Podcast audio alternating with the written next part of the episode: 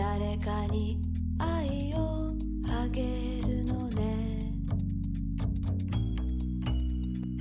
お尻にキス愛は最高。でも幸せ。空に太陽。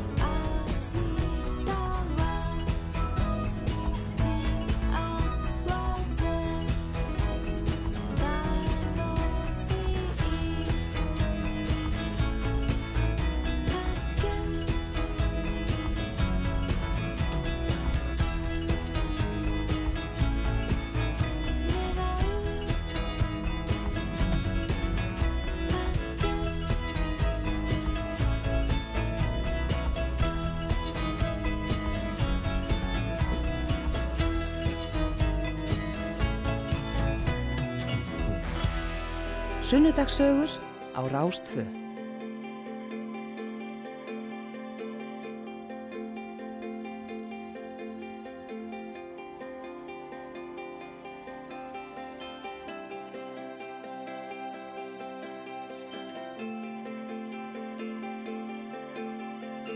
Jú, velkomin í sunnundagssögur hér á Rástfö. Ég heiti Gíja Holmgerstóttir, heils ykkur hérna frá hljóðver okkar á Akureyri. Og þetta verður nú svona bara hefðbundin uh, góður sunnudagur hjá okkur hérna í þessum ágætu sunnudagssögum. Við fáum til okkar einn gestingað í hljóðverið okkar á Akureyri og svo ætla ég svona aðeins að ringja uh, um landið og forvetna svona hvað fólk er að gera og bartúsa. En uh, gesturinn sem að kemur hingað til okkar, uh, það er hann Eyjólfur Guðmundsson. Hann er rektor háskólans á Akureyri og hann mun koma og, og setjast hjá okkur svona um eitt og hann ætlar að segja okkur svona hvað hefur uh, á daga hans drifið í lífinu og uh, tala um störf hans við háskólan og, og annað slíkt. Það verður forvetnilegt að heyra í honum Eyjólfi hér á eftir. En í setni hluta þáttarinn sem er á milli 2 og 3 þá ætla ég að ringja eins og ég sagði áðan aðeins hérna út á land og í þetta skiptið ætla ég að ringja á norðausturlandið. Og ég ætla að ringja þarna í einn ferðaþjónustu bónda eða aðila sem að leir út luxustjöld við skjálfandafljót.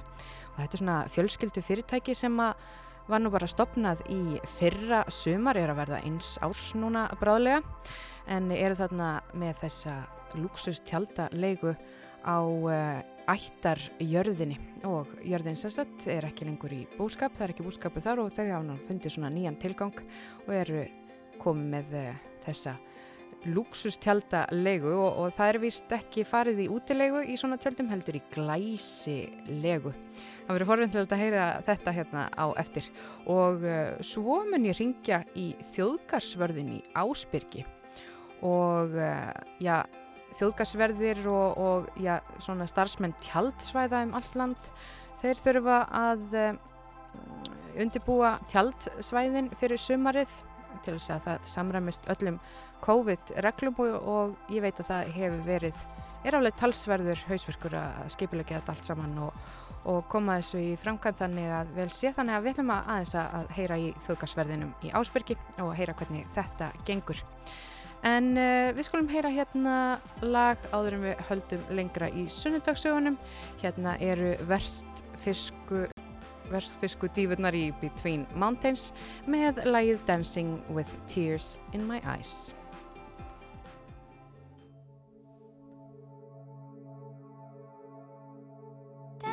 cries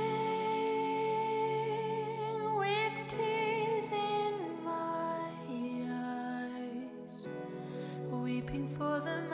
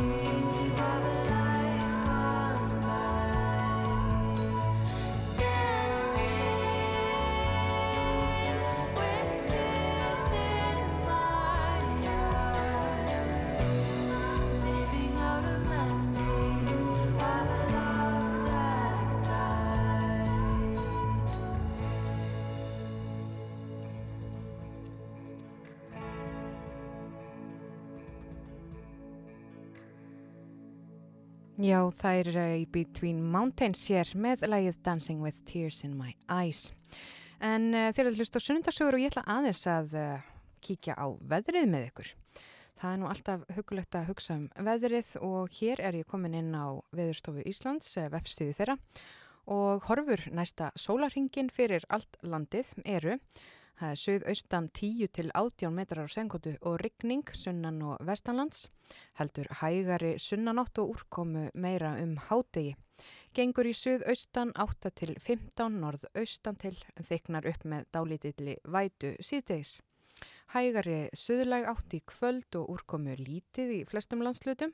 Söðlæg átt 5 til 13 á morgun og skúrir hiti 6 til 16 stig í dag en heldur svalara á morgun hlýjast á norðausturlandi. Og já, það er svona regning greinilega þarna á Suðurlandinu en uh, það er nú svolítið svolítið skýja hérna allavega þar sem ég er en, en, en það er ansi hlýtt en ég er hérna á Akureyrinni. En það er komið nóg af veðri. Við ætlum að heyra hérna já, smá tónlist og auglýsingar áður en að við höldum áfram og svo sestan Eyjólfur rektor háskólans á Akureyri hérna hjá mér eh, um eitletið En uh, við skulum heyra hérna í Perlu, það er Guðmundur R. og Bubbi með þetta fallega lag.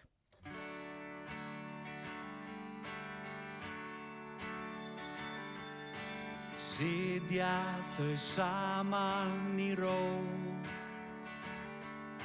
Samband sem liði og dó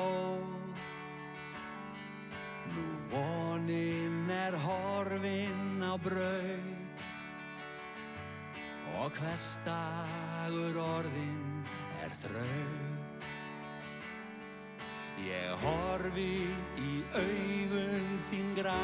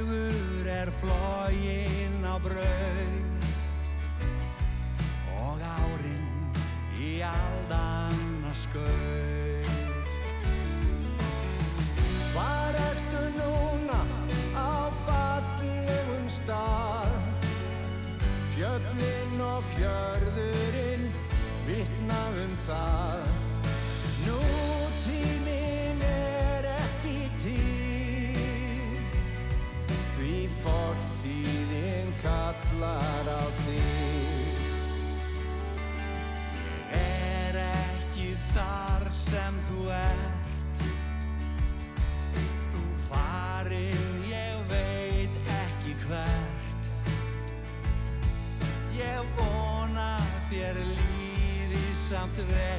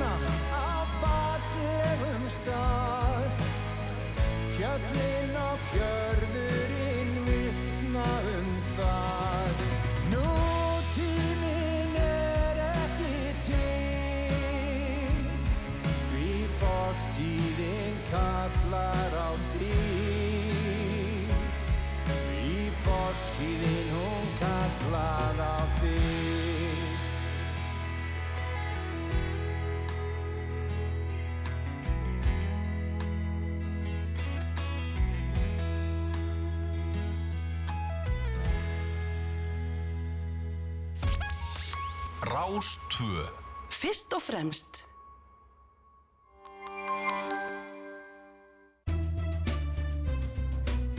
Smassstæl hambúrgarar. Bónus. Grillverslun allra landsmanna. Flugger, innanhús, utanhús og á palli. Flugger litir.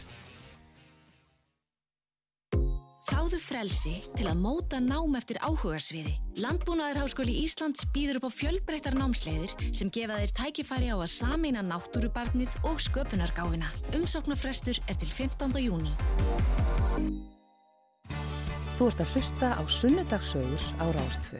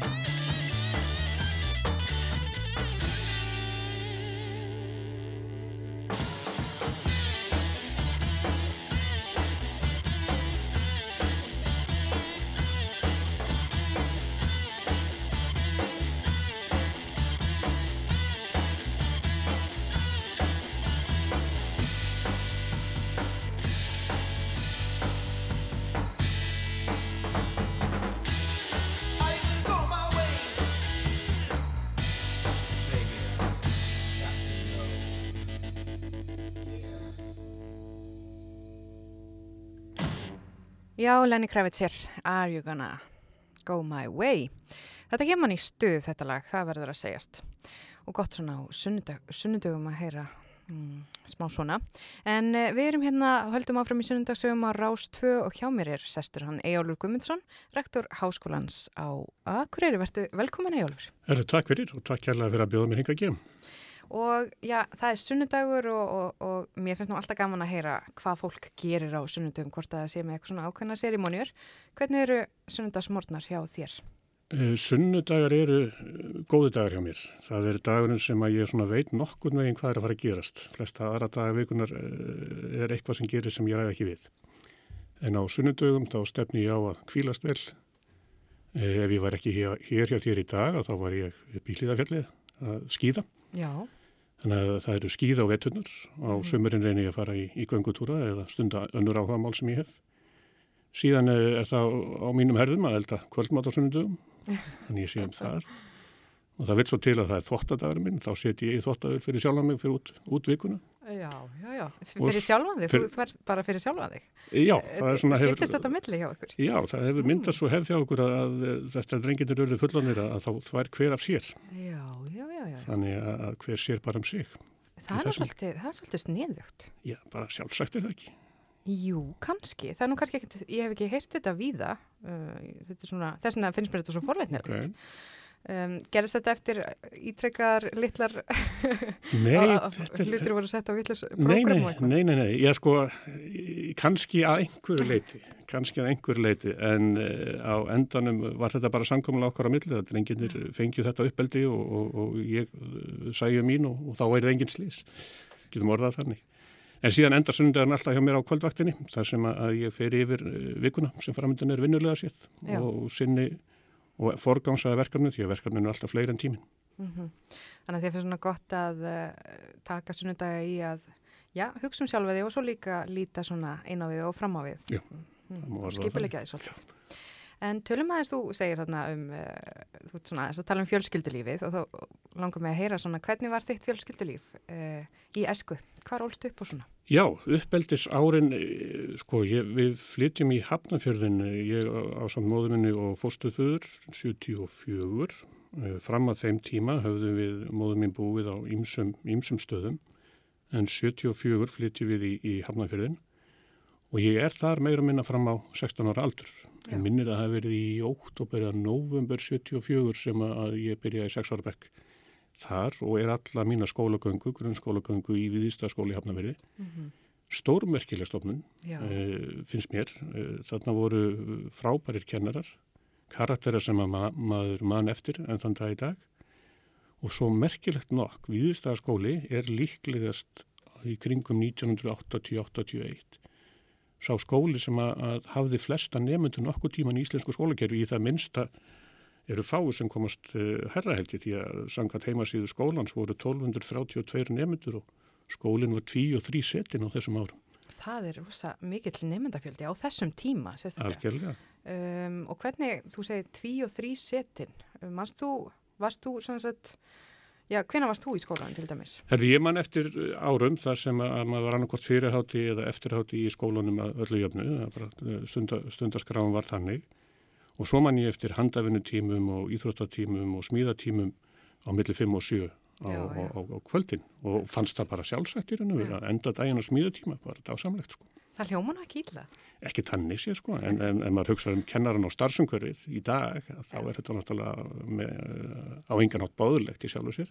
Nei, nei. En þetta var gert og Norðurbærin í Hafnaveri, þetta var sérst í Norðurbænum sem við búum á, á þessum árum, að uh, hann var að byggjast upp uh, með ungu fjölskyldufólki og það var bara gríðalegur fjöldi af ungu bönnur sem þurft að skóla og setna byggjast í hann upp engitarskóli og, og fleira. Já, Þannig að þá þetta var svona svona, já, dreifist batnafjöldi hafnafjörðar á fleiri skóla Já. og, og við starfskóla hættir að vera þrý setin.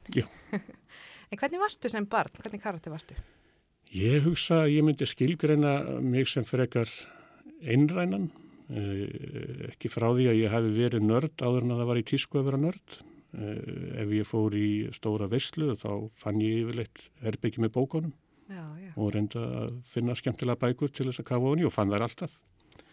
Allt sem að snýrum, snýra mannkynnssögunni, sem snýra að, að svona því sem gerist hér á áðurum áður þóttum er heillandi, nú eða úr öðrum heimum Mhm. það fannst mér sögu sem var mjög gaman að lesa. Já, þú talar um að þú hefur verið nörd áður en það var uh, í tísku að vera nörd. Var, upplifur það eins og það hefur verið erfitt að vera?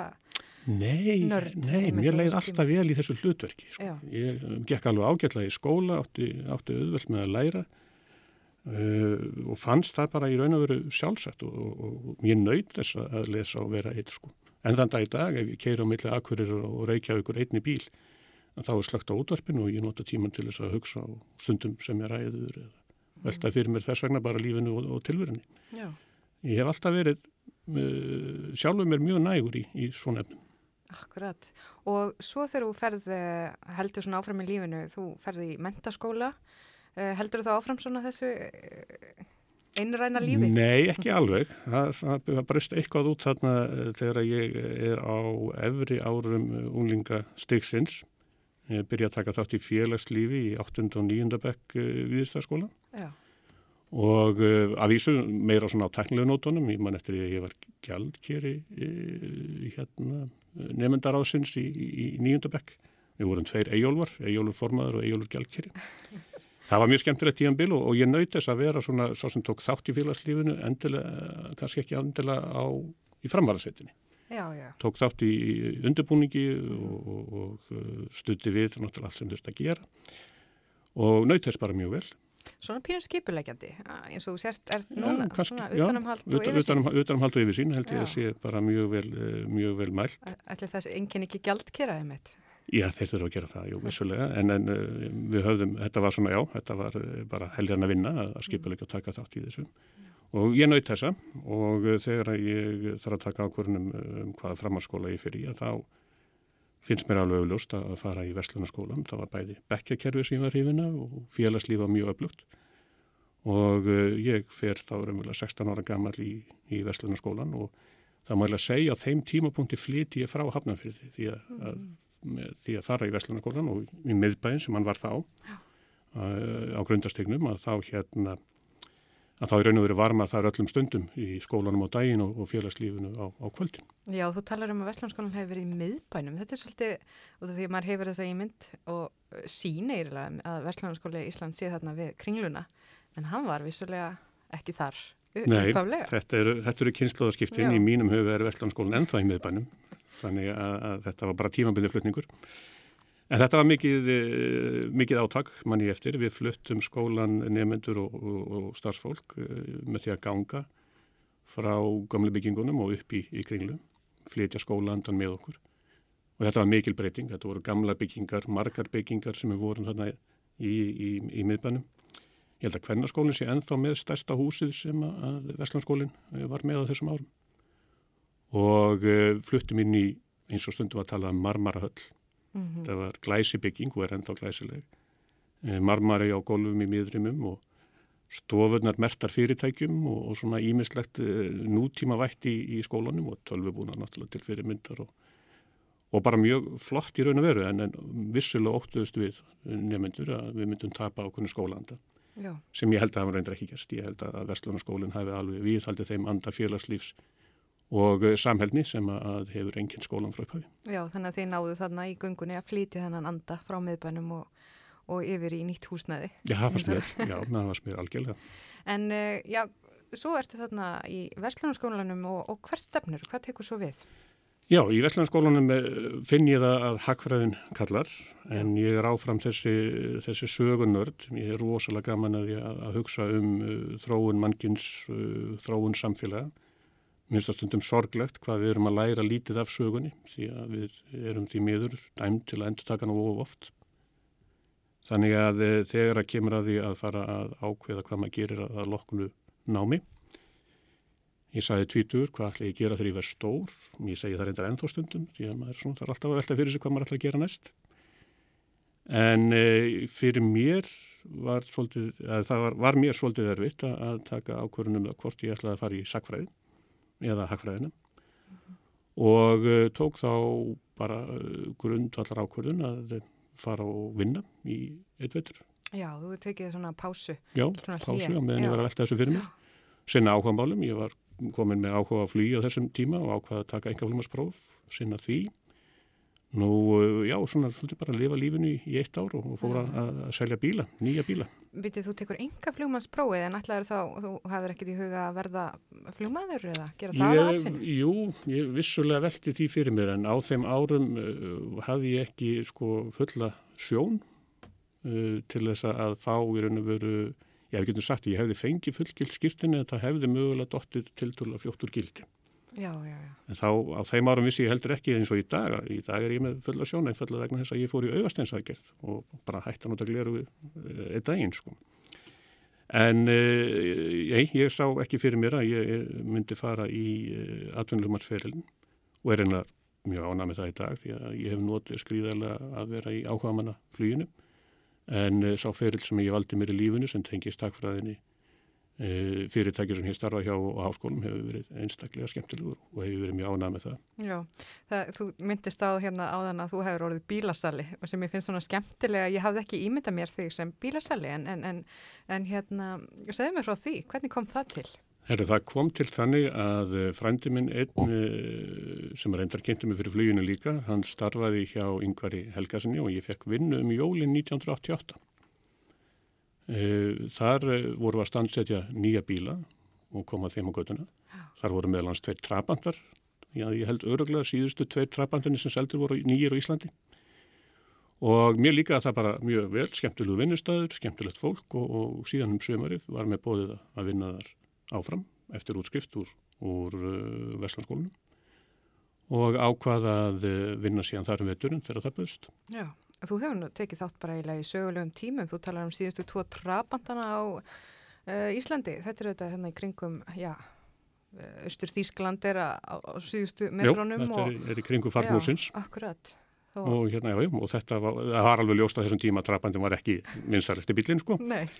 Og hérna, og uh, var orðin antík þó þeir væri nýjir, skemmtilegi bílar, en, en aðals, aðalsalan á þeim tíma voru, voru Subaru og Nissan bílarnir hjá þeim og uh, það var svolítið merkilegt að ég sagði henni oft, oft, oft eftir á að þetta snýrist ekki um bílasölu, þetta snýrist um bílaafgreðslu því að það var svo auðvöld að selja bílana.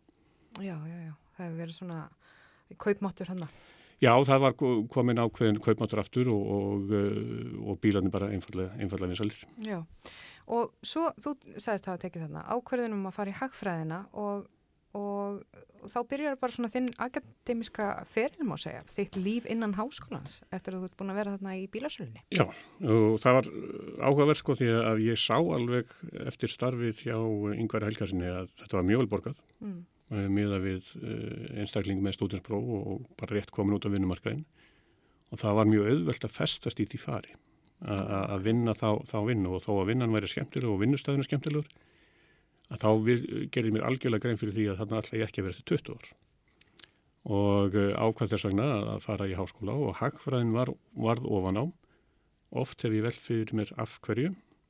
Var það praktíkin eða, eða var það e, í raun að veru tengingin við samfélagun og stjórnmálin? Á ekkert svar við þeirri spurningum en hagfræðin varð ofan á og það við kannski hefur haft áhrif þarna að þeir voru nýbúin að stofna hagfræði deild við Háskóla Íslands Áður var viðskiptafræðin og hagfræðin saman og var fjögraran á en ég var í öðrum árgangi þar sem hagfræðin var skilgrend sem hefðbundið bakkalárnám til þryggjára. Og ég hugsa að það hafi mögulega haft áhrif líka. Og ákveða skellum mér þetta nám og, og, og líka það mjög vel. Og uh, fann mín að hillu þar innan auðlinda og fiskihagfræðinar sem er, hafa verið mínar æra kýr og starfaði að loknum eh, þryggja ára vaklarnami þá starfaði við bæði Sjávarðstofnun Háskóli Íslands og Hagfræðistofnun Háskóli Íslands um rétt hæflega tveggja ára skeið áður en ég held síðan til eh, Háskólunáms í bandaríkjanum í doktorsnám. Já, og, og hvert fóruð þið í, í doktorsnámið, þið fjölskyldan? Herri já, þarna á þessum tíma er ég komið fjölskyldu, ég sagði náttúrulega ekki frá því hérna áðan að, að, að eh, við fórum í útskriftaferð eftir Vestlunarskóla 1988. Þar sá ég unga og fallega konu sem ég spurði samferða mína menn um hvaðan hún kæmi þessi, með hverjum kom hún og þá var hort á mig og mér bent á hún að verið með mér í árgangi í fjögur ár. Já, ég er ekkert volið svolítið að þessari sögu en, en mér, til, mér til varnar að eh, þá sem sagt myndi ég vilja orða þetta svona. Eh, við vorum á öðrum stað þar sem að fólk klætti sem öðrum hætti og í 220 nefndu hópi. Já. Þannig að ég mm. leiði mér að fyrirgefa þetta og svona aðeins aðra aðstæður. En, en þarna komstu auga á, á, á konuna? Þarna kom ég auga á annar steinunni, konuna Já. mína og, og, við erum búin að vera saman síðan, eigum 25 ára eh, brúkursamalínuna í, í byrjun júni. En eh, við, ég sem sagt, eh, við erum að fara saman erlendis í, til bandrækjan, til Rótæland 1994 og steinun er ólitað okkar fyrsta dreng og kemur með mér út í upphæfin ámsins en fer síðan heim að með minnir í november 94 og ég fylgir svo eftir í desember til þess að vera við stættufæðinguna.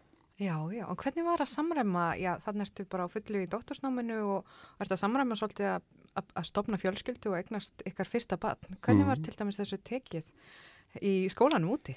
Þetta þótti svolítið öðruvísi. Já.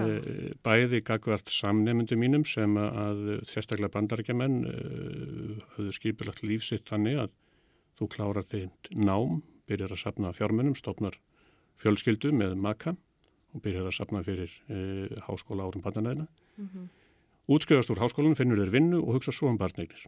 Já, akkurat. Því að bæði gerði þeir ráð fyrir að þau gæti ekki bæði verið í vinnu eða væri eignarspörn. Og þeim finnst alveg stórmerkilegt að við Íslingar gætum e, fengið raun og veru stuðningis ofnbæra í gegnum lánasjóskerfið til þess að gera kvortökja, að vera í námi og stofna fjölskyld og ég held að þetta sé kostur við okkar kerfi sem við höfum stórlega vannmetið gegnum árin. Mm. þessi stuðningur sem að námsmenn hafa þó fengið. Þó mörgum finnist láns, námslánin erfið að þá er þetta ótrúlega mikil stuðningur við að geta komið sér að, að komið á fót fjölskyldu og, og, og, og öðlast sína sérhæfingu Akkurat. og er ég bara þakkláttur íslenskum skattgreðundum og íslenska ríkinu fyrir það, segi bara takk fyrir hér En þú, þið farið til Íslands uh, og, og stráfræninkar fæðist á Íslandi, af hverju uh, voru þið Já, þetta er andla fyrsta misserið, flytjum já. út hérna í ágúst, uh, ágúst 2000, nei 1994 fyrir ekki. Mm.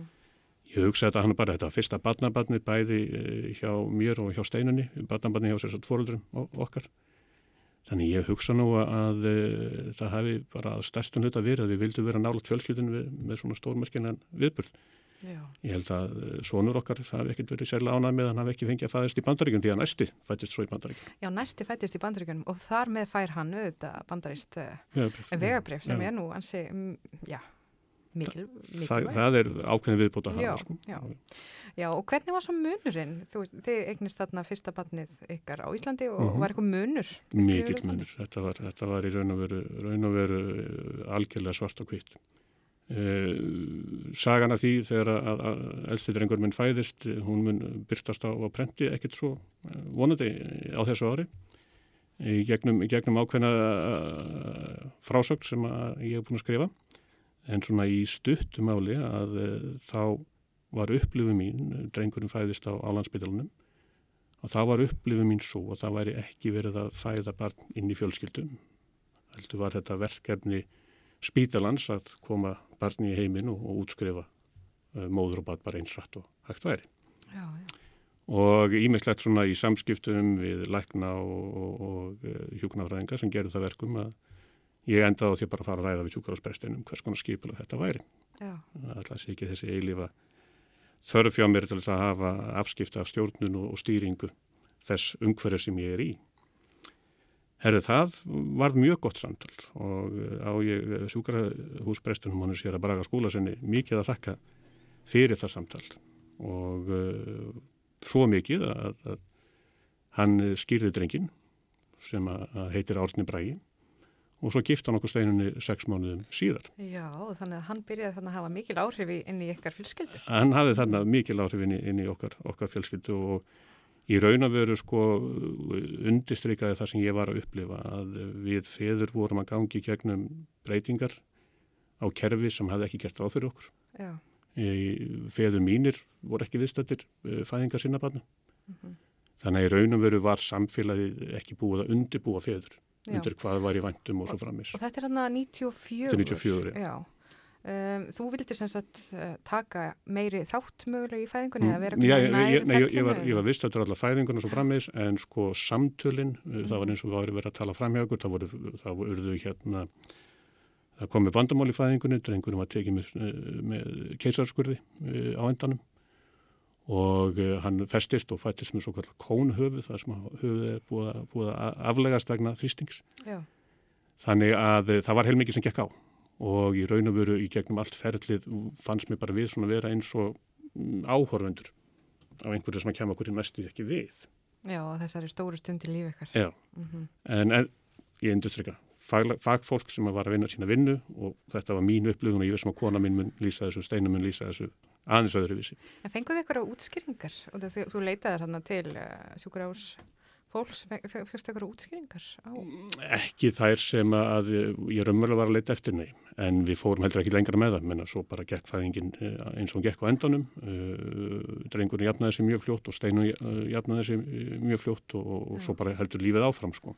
Já. En svo uppleði við fæðinguna í Ameríku. Þar voru við á, á litlu sjúkrahús, uh, sjúkrahúsi sem að tengdist uh, þeim bæ sem við byggum í, í Rótæland og það var allt annað. Þar var samtalið alveg frá upphafi, það, því var fyllt eftir, uh, fyllt eftir með uh, ráðgjöf og ímstun sem því tengdist. Aðstæðan til fyrirmyndar, það var gert ráð fyrir fjölskyldunni í tiltekna herbyrgi. Uh, en þar lendu við í ákveðnum vandamálun líka Drengurinn á að fæðast 25. júni, sá drengur, hann ákveður að koma í heiminn e, þann 7. júni, neði 5. júni. Já, svolítið undan áallun. Svolítið undan áallun mm. og e, steinun er bara leðinni heim og vinnu þegar hún finnur eitthvað er að gerast og er bara komin niður á, á sjúkarahás e, nokkru klökundum síðan. Já, já. Fæðingin gekk í sjálf sem mjög vel og, og þó svo að fyrsta fæðing hafi verið keisarskurður að þá var þetta hefmyndin fæðing en í kjölfarið að þá uh, uh, komið bástand sem að þurfti á aðgerða að halda. Og uh, ég hugsa oft til þess hvað kerfi geta verið skrítin. Því að ég hefði bara verið með nóttina og svo fæði strengurinn og hún kvílir sig og ég fer að sinna eldardrengnum og svo þegar ég kem tilbaka þá er bara komið þetta situation, komið þetta ástand. Og ég fer með henni í, í, í skurstofunni og leiðin eru mér rétti pappir til að skrifa undir í heimil aðgerðina. Já, einmitt. Og þegar eins og getur ímyndaði, sko, þá var það ekki bara eitt blað, sko, það var alveg í mörgur ritt og ég er svona horf á læknin, horf á pappirinn og horf á konuna og svo bara er ég að fara að gera eitthvað annað en að skrifa undir og ekki eins og lesa, þannig að ég vissi ekki eins og hvað ég væri að skrifa undir. Akkurat. Þannig að það var, það var gert og aðgerðin gekk bara mjög vel og, og, og það var eh, einhverja frekari erfuleikari tengslu við það en þarna var þó ástand sem kom upp og við fengum síðan skýringar á þessu öllu saman eftir og öll heildar upplifinu var að því að þarna veri mjög fægleg vinnubröð í gangi. En svo sáum við líka reikningin og hann var svolítið, svolítið Og þú skrifaði hann undir hann á pínu álagstíma í rauninni. Já, já, já. já. Þú hafðir ekkert val. Hann var sjálfsög ekki. Nei. Þannig að kerfið er svolítið byggt upp þannig að þú kannski neyðist til þess að fara ákveðnar leiðir og ert ekki... Já, eða eins og í þessu tilfelli mm. að þá er náttúrulega tryggingar á bakvið þetta allt saman, Já. bæði íslenska sjúkadringar og tryggingarskólan sem við vorum við, þannig að það var í sjálfsvekki vandamáli sko en eins og bandrikin eru, að þá eru þeirra eflust að fyrra sér tiltekinni lagalegir ábyrð. Já, en já, þegar ég þrjástráka hefur sagt, hvernig var svo, út af við erum komin í svona fæðingasögu við skulum bara já. klára fyrir helming viðtalsins á, á fæðingasögum, líst vel á það. Okay. Hvernig var svo þriðja Herðið, þetta var sem Gunnar Ejjólfsson sem mm. að eh, fæðist í, í bandaríkjunum 1998. Eh, um aldamotun 2000 flytti við heim og ég kem hinga til Akureyrar að taka þátt í eh, starfi Háskólans Akureyri, ræðið mig við sjávarðsfæðadeldina og 2003 er sá þriðja á leiðin í heimir, heiminn, hann kemur 7. oktober, fallega degi með snjókomi og, og, og kulda eins og oft gerist í óttaberinn en það var góðu dagur. Eh, hann fæðist hérna á sjúkarásun og akkuriri og eh, þar var svona svipu tilfinning eins og í, á landsbítalunum hvað var þar útlitt húsnæðisins en upplifunin var mjög miklu nær því sem við upplifum í, í bandaríkjan. Það var svona meiri nánd, það var meira samtal, e, það var, e, við áttum samtal fyrirfram og bara útskiptum fyrir okkar fyrir upplifanir ljósmaðurinn sem að tók þátt í, í fæðingunni eh, tók þessu mjög alvarlega og, og syndi okkur mjög vel. Hún meiri segja stóð vaktina lengur en henni bar til þess að trekja að hún fylgdi ferlinu eftir. Svo fæðing gekk bara eins vel og fæðing getur gengið og, og, og já, eigum við bara þökkum við kjallaði fyrir þá þjónustu sem að hér var reitt og vorum afskapla ána með það. Já. Og enn ánarið þegar við uppgötuðum síðan mörgum árum síðar að í stofu við hliðin á að þá var mjög erfið fæðing sem var andvanafæðing og, og sama ljósmur að sinna hvortvekja. Já og það, þið fundið ekkert fyrir því? Ekki á, ekki á þeim tíma. Þetta hefur verið rosa krefjandi fyrir þessa ljósmóður? Mjög svo, mjög svo. Já, Já þetta eru aðtiklisverð, það er nú alltaf áhugavert að ræða svona fæðingarsögur líka já, hlutverk feðra í fæðingum. Já, það er kannski svolítið sem er ekki mikið rætt og við eigum kannski ekki nægilega mikla hefðir til þess að ungi feður áttur sig á sínu hlutverki í dag. Mm -hmm. við þurfum að taka sameigilega ábyrð á sama tíma og við þurfum að gefa rými fyrir bæði móður og barn til þess að, að aðlagast eh, nýju lífi og ég held að þetta sé eitthvað sem að kynnslóðin á eftir mér muni vonandi ná að eh, læra og, og stýra og við getum kannski hjálpa til því að nú geta seni mínir átt samtal við mig og mína upplifun en Já. við áttum ekki tækifæri á að ræða við neittnum þeirra upplifun á sín Nei, tíma. Akkurat. Já, við sitjum hérna í sunnundagsögum og hjá mér er Eyjólfur Guðmundsson, rektor Hálskólans á Akureyri. Við skulum fá hérna auðlisingar og eh, lag og svo heldum við áfram með spjallið okkar. Starlight, forever bright, sail on, sail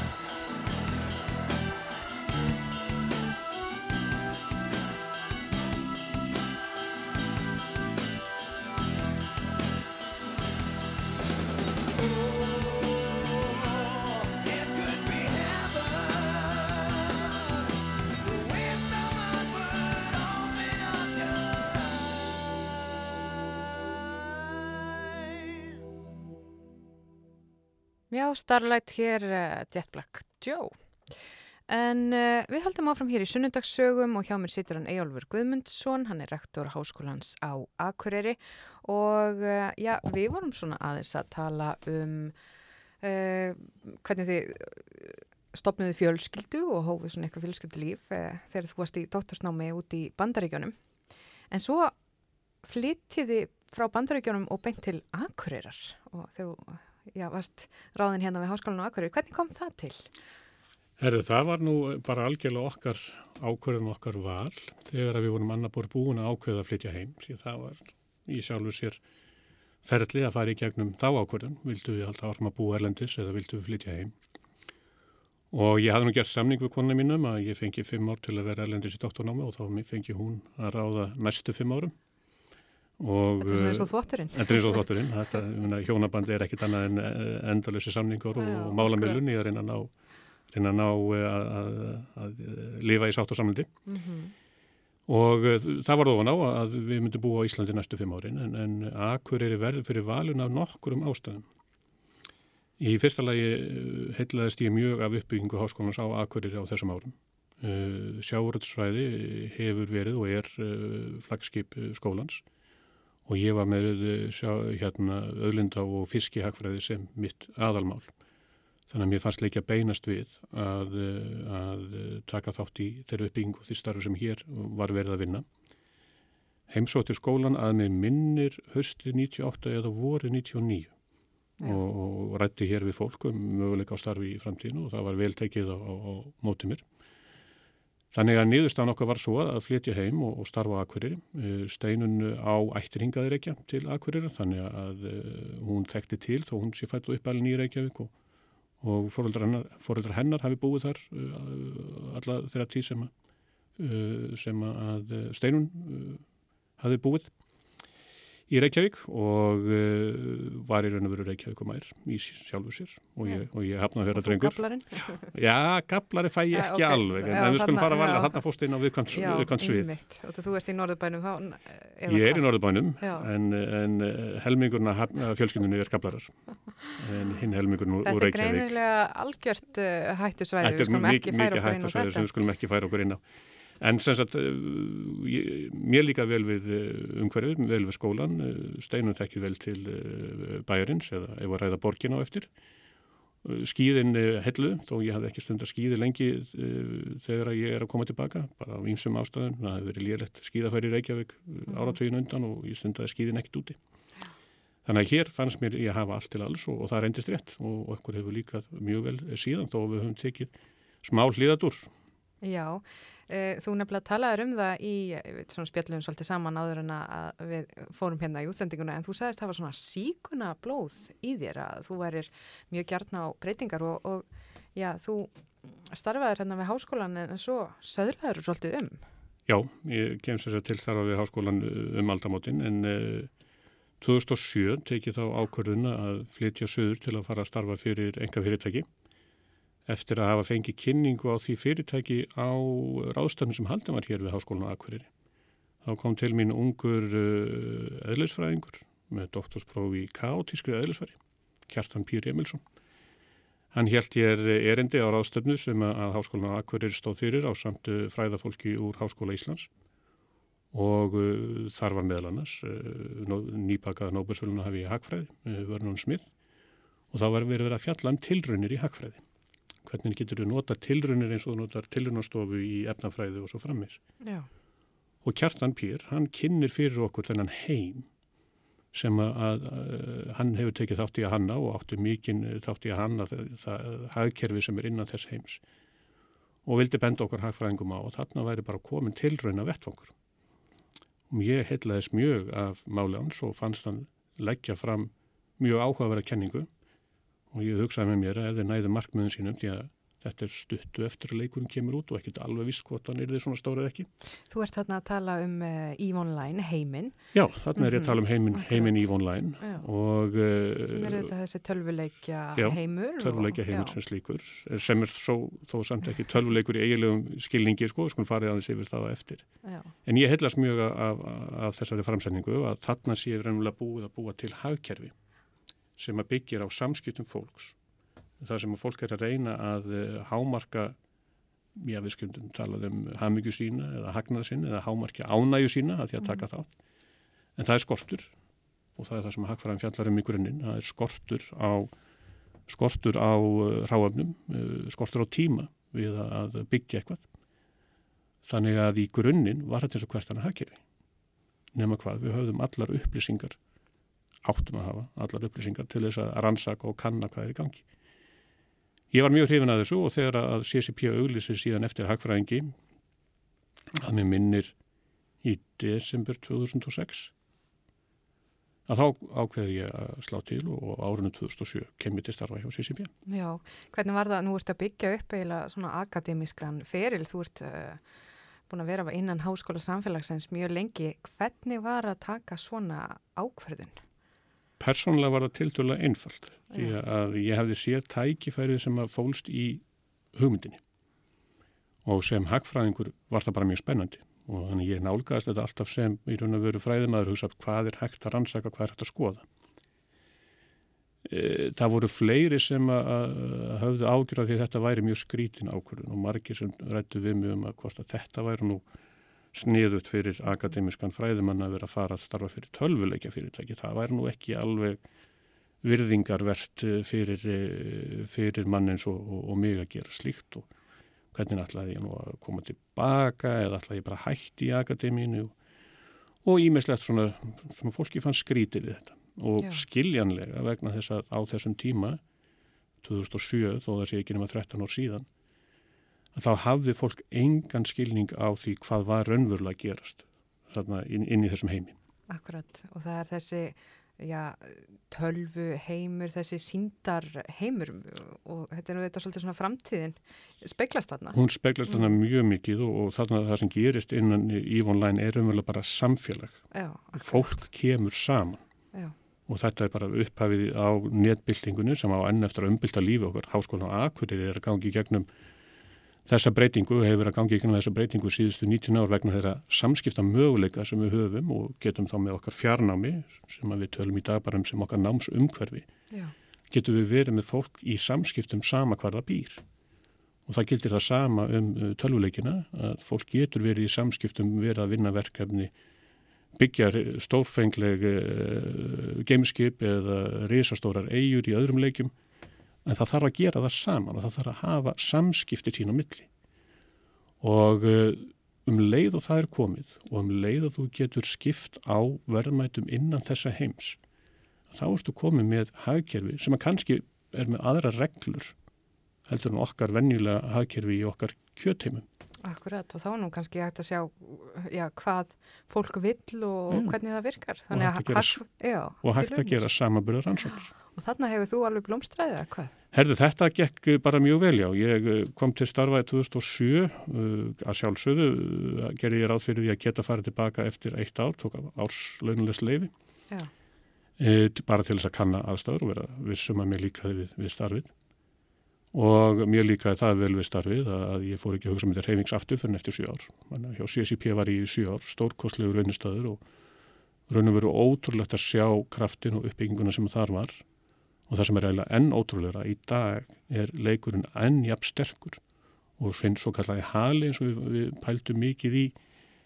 þegar ég var að starfa hjá Sissibir hversu, hversu langt líf á svona leikur og ég var eiginlega samfærað þeim tímpúnt að hann myndi eiga mjög langt líf en ekkert að vaksa óendalega og það er að koma í ljósa að uh, þeir sem taka þátt í þessum heimi munu líklega að skera slíkt alveg þanga til að uh, við komum til er komin á, á ellu heiminn og jafnvel lengur. Þannig að líftími þessa heims mun vantilega verða lengri heldur en okkar allara.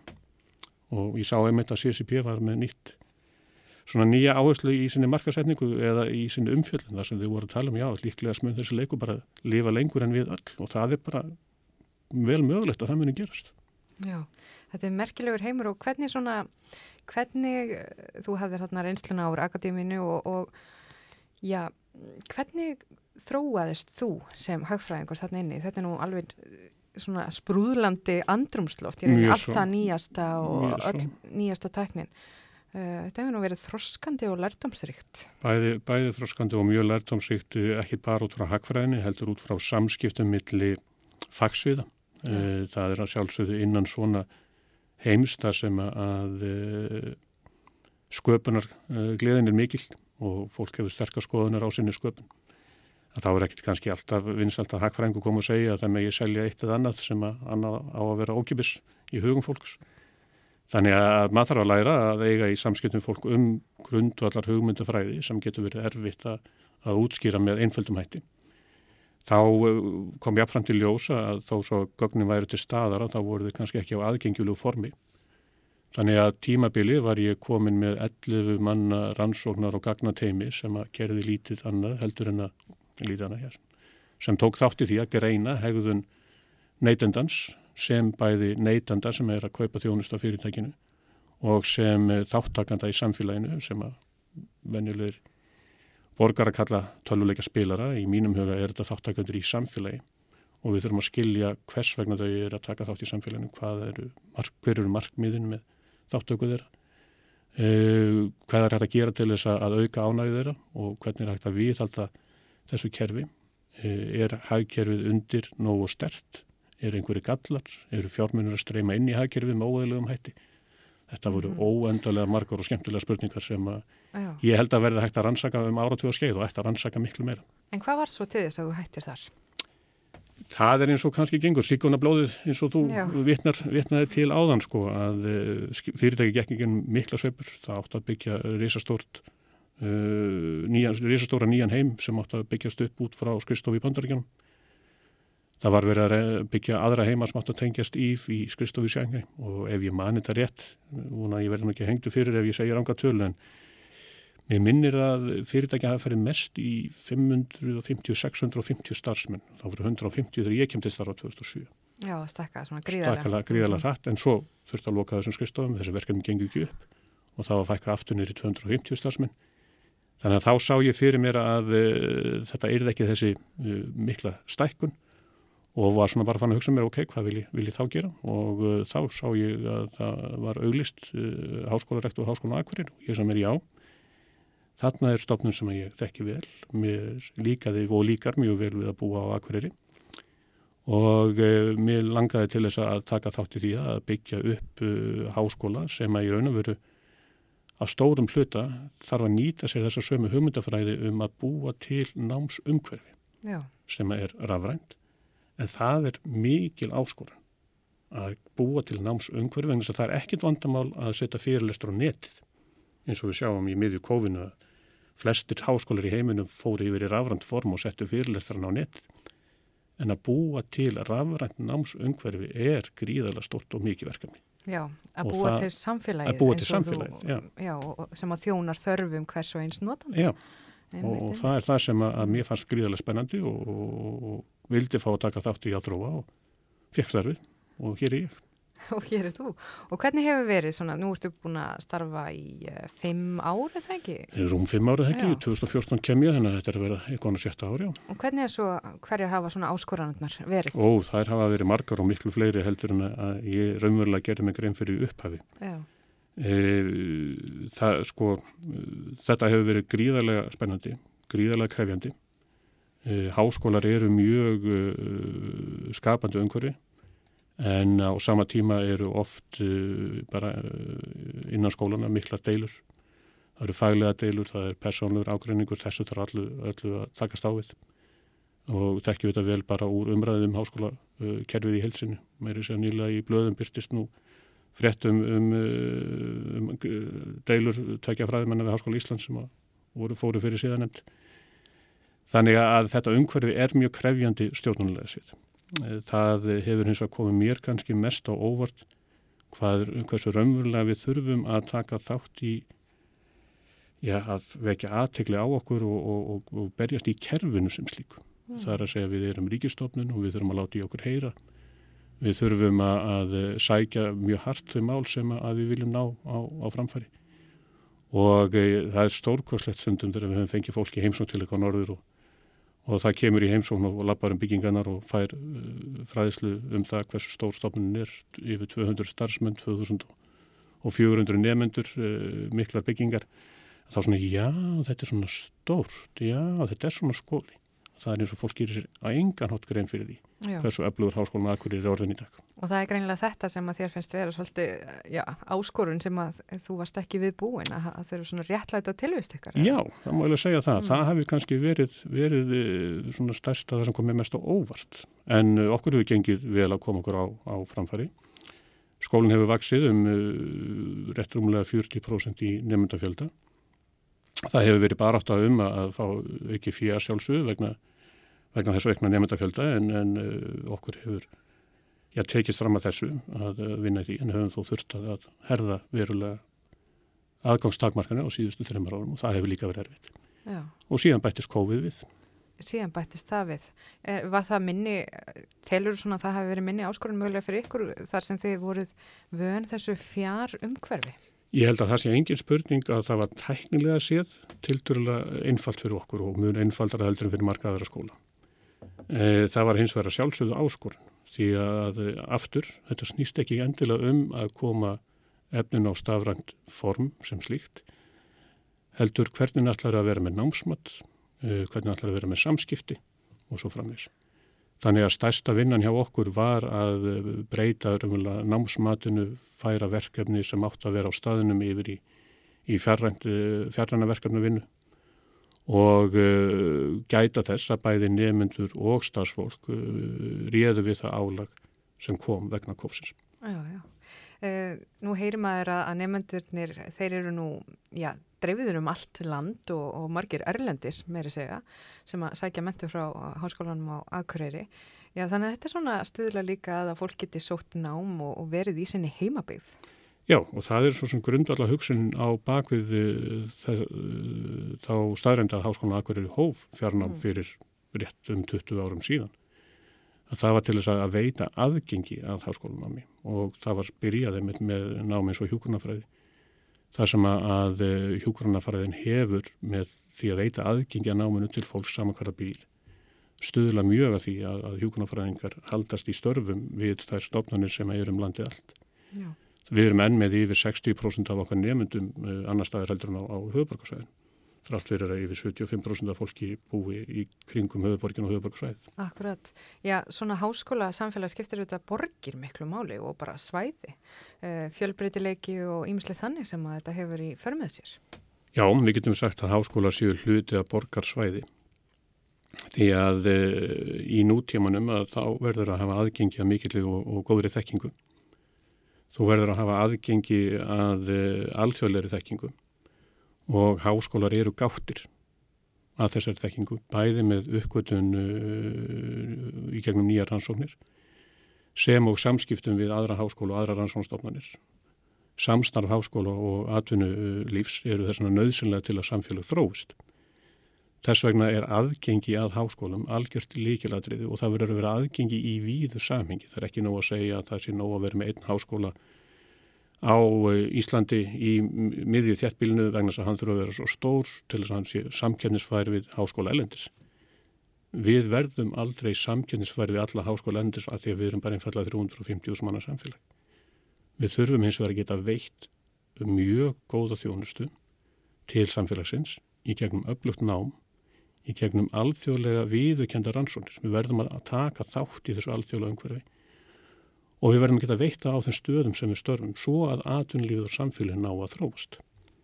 Og ég held að fyrir mér endur speglast þetta rosalega mikið í því sem ég kom inn á áðana þegar fólk kemur, heimsón, kemur í heimsón til okkar uh, aðsunnan og, átt að segja á því að Háskólan og Akkurir er bara með einum að stærri ríkistofnunum og einum að stærri skólastofnunum landsins að, uh, að við verðum að hugsa um sko miður Norðurland Akureyri sem borgar svæði. Skilgreiningan á borg, við getum farið í endalust rifrildi um hvað er borg, hvað er ekki borg, hvað þarf að vera, þurfa að vera margir einstaklingar svona. Fyrir mér er það ekki aðalmálið. Aðalmálið er að Akureyri, miðnorðurland, sveitafjölun hér í kring, í eins og hálstíma axtusfjallag eru eitt atvinn og þjónustu svæði Þú hefur aðgengi að listum, kaffihúsum, bíóum, sjúkrahúsum, framhaldsskólum, þú hefur aðgengi að háskóla og háskólum í raun og veru í gegnum þá fjár mentun sem er í dag. Við verðum að stilla þessu upp sem öðru borgarsvæði. Mm Við Íslendingar þurfum að hugsa um það þannig, já það er önnur borg eða annað borgarsvæði á Íslandi.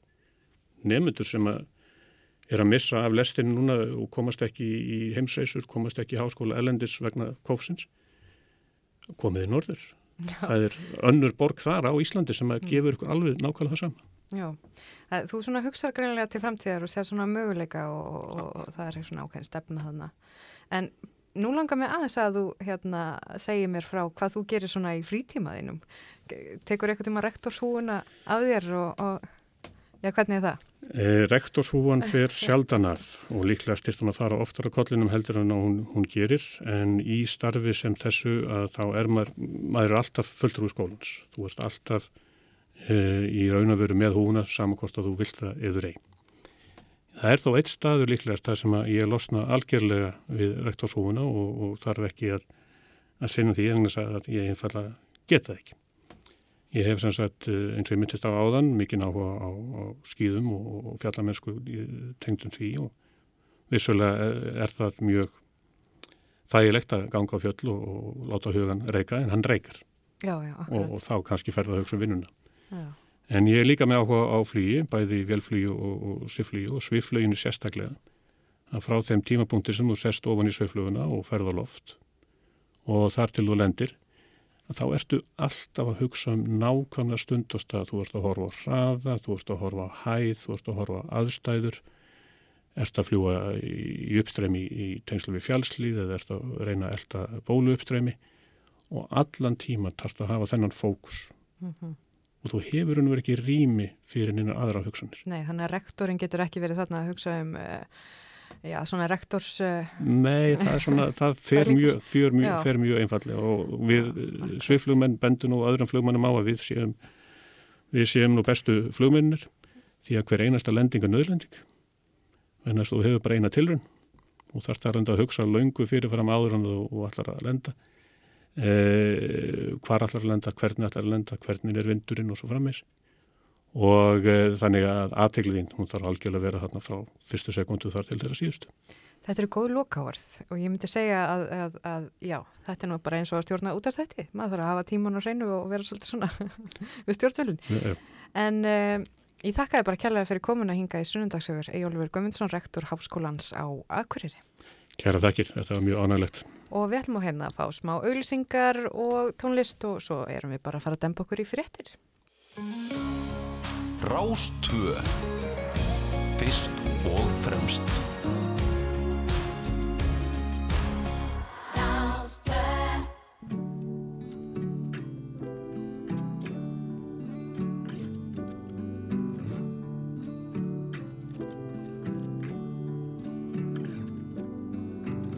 Vita fuglar heimins hvert förir heitið.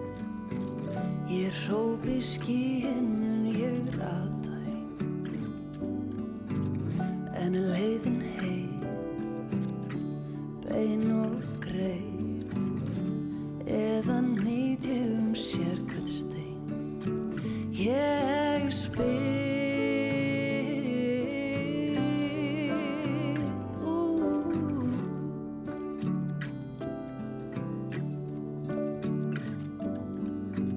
Ég þannig seglinn mist kjark við næsta lof Þá hefur hlátur þinn oft bjargað fyrir hot Tilviljun örlög rist í lóa eða stein.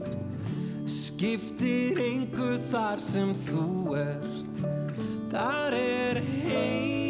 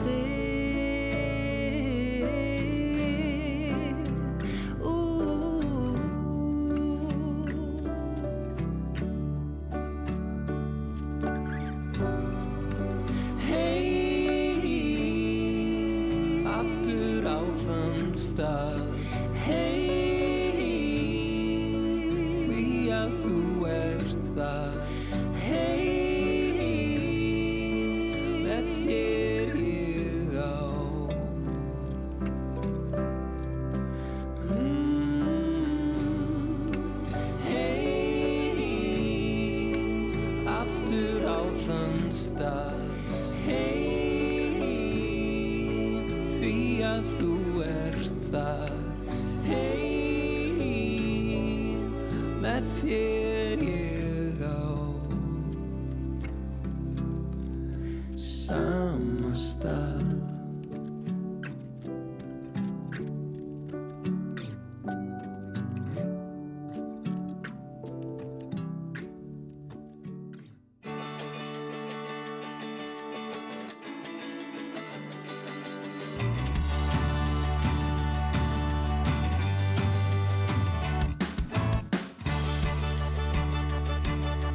Já, við höldum áfram hér með sunnudasögurnar á Rástvö. Ég heiti Gíja Holmgjastóttir og uh, þetta er setni hálfleikununa hjá okkur og ég er búin að vera með ykkur frá klukkan 20 mínútur í eitt og við höldum áfram ég ætla að vera með ykkur til klukkan þrjú í dag.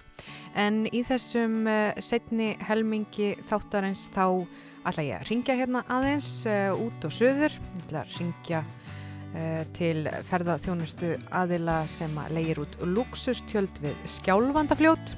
Og þetta fjölskyldu fyrirtæki og jörðinni hefur sem sagt verið fundið nýr tilgangur eftir að búskapur lagðist þar af. Og það er hún Sigrún Viesteinsdóttir sem að ætlar að vera þar á línunu og hún ætlar að segja okkur hvernig maður fer í svona glæsilegu. En það er sem sagt þegar maður fer í svona útilegu í luxustjöldum, það var það, glæsilega, veist þetta mjög skemmtilegt.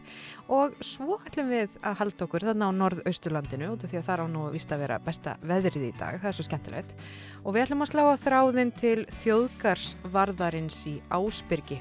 Þannig Ásbyrgi er nú einn af þessum ferðamannastöðum sem er vinsall bæði meðal eh, Íslendinga og erlendra ferðamanna og ég ætla að heyra svona hvernig undibúningur gengur hjá honum uh, fyrir tjaldsvæðin en uh, það þarf að fylgja öllum COVID-reglum þar og það eru vist ímislegt sem að þarf að hafa í huga á slíkum stöðum. En uh, svo ætla ég nú að segja ykkur að, að hérna í fyrir hluta þáttanins þá kom til mín hann Ejólur Guðmundsson. Hann er rektor háskólans á Akureyri og spjallið okkar munið þetta vera aðgengilegt í spilara rúf strax að loknum þætti En uh, við skulum hérna heyra lag og svo fáum við bráðum nokkrar auglýsingar og höldum áfram hér í sunnundagssögunum.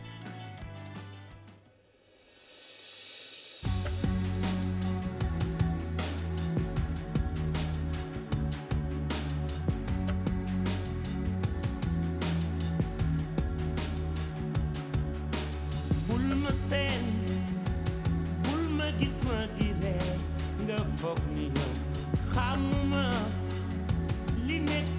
sama suuf ak bëgguma ku ma xool dal di ne yow li si man li man di We should using. I'm the ones for the sword and the stone. Bad to the bone. Battle's not over,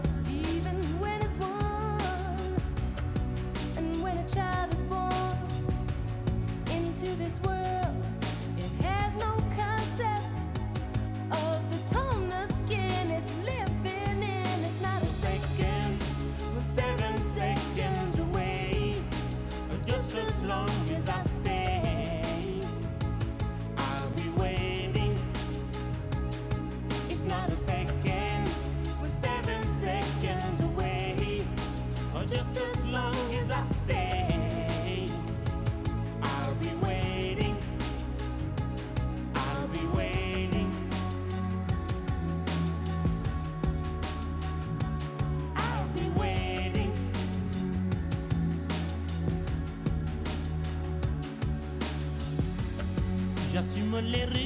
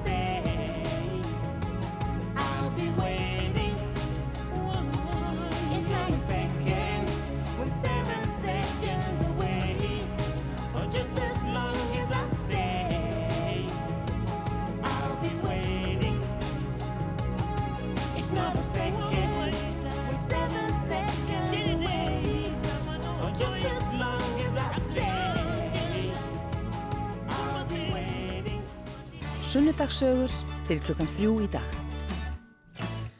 Já, ég sitt hérna með ykkur í sunnundasögum og bráðlega ætla ég að slá að þráðinn uh, til hennar Sigurðunar Viestensdóttur sem er á bænum vaði við skjálfandafljóti, er þar með svona luxustjaldlegu. En við skulum fyrst heyra hérna eitt gott með landi og sónum, lægið Terlín.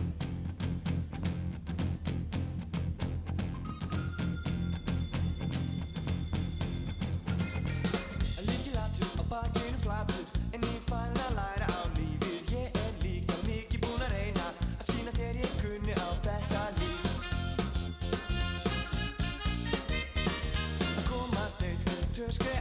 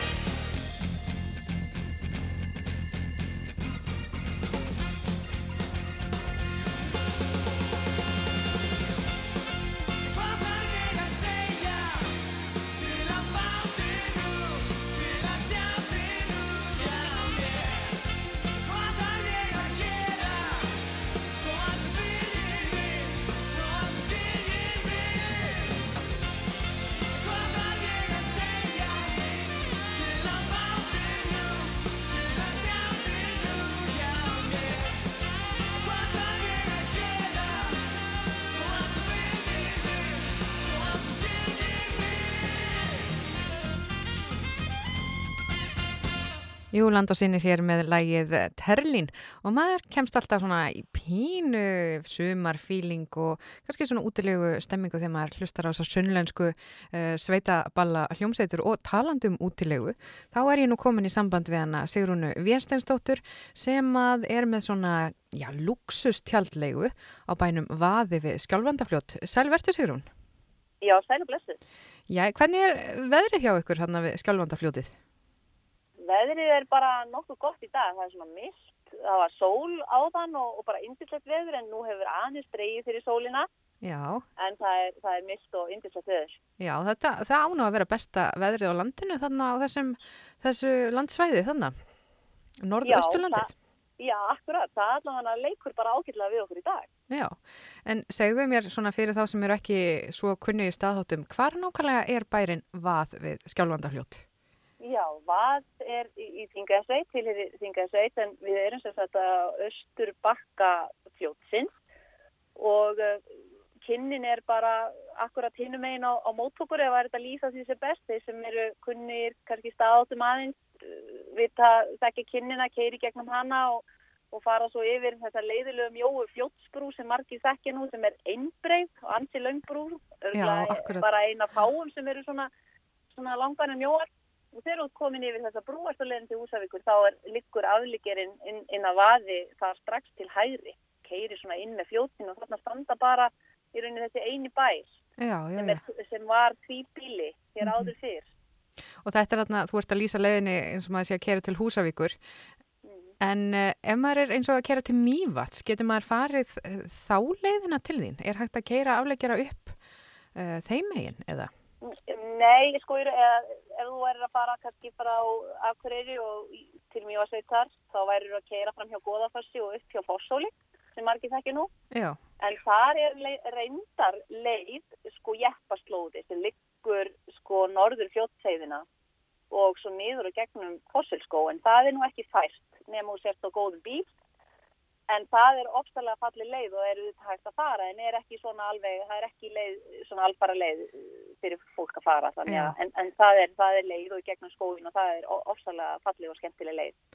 uh, og það hljóma svolítið svona að þú þarft að ákveða að fara þangað til ef þú ætlar að fara, þú ert að eiga svona erindi og þetta er ekki, þú ert ekki að keiri, keira neitt sko, þetta er ekki á leiðinu beinlinis. Nei, og Þetta það er kannski fjárminn við þetta. þetta. Það er nefnilega sko margir útlendingarnir sem að, þeir útlendingar sem heimsóttum í fyrra okkur, þeir voru svona, voru ekki alveg að trúa sko þeir þurft að keira vegna þess að þetta er sko 5 km spotti sem satt frá aðalveginu og þeir voru ekki alveg að trúa í stundum að þeir þurft að keira svona langt sko. Þeir voru bara, þeir stoppuðu sko á þjóðveginum þá segðu þeir, "Bíddu, hvar er það?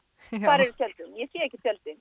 Og þá sagði ég, nei, þú eru að keira, sko, við vorum búin að lýsa þessu vel fyrir þeim, þú eru að keira þess lengra og þeir keirið alltaf, sko, svo er alltaf, ha, þeir trúðu ekki, þeir sko, keira svona aðeins spotta og það eru þetta stjárminn við þetta, við erum hérna í algjöri frið og ró og heyrum bara í, í ánni og, og fuglunum. Og ég man að það var gestur í fyrra og fleiri neitt sem sögðu það reyndar að, að hérna, þeir komið til mín í morgumat og þá sögðu þetta er alveg, alveg geggja, sagði ég, ég á svona allt sem ég nota heima sem hljómar eins og þetta, sagði hann. Og svo svona breytta hann út hendina og, og, og út í náttúruna til að slaka á. En veist, þetta er bara, þetta er bara eins og allt sem ég nota. Og hann er þá að tala um svona já, náttúru nýð og náttúru hljóð sem maður getur eh, hlustað á í, í svona einmitt. Já. Öppum og símum og þannig.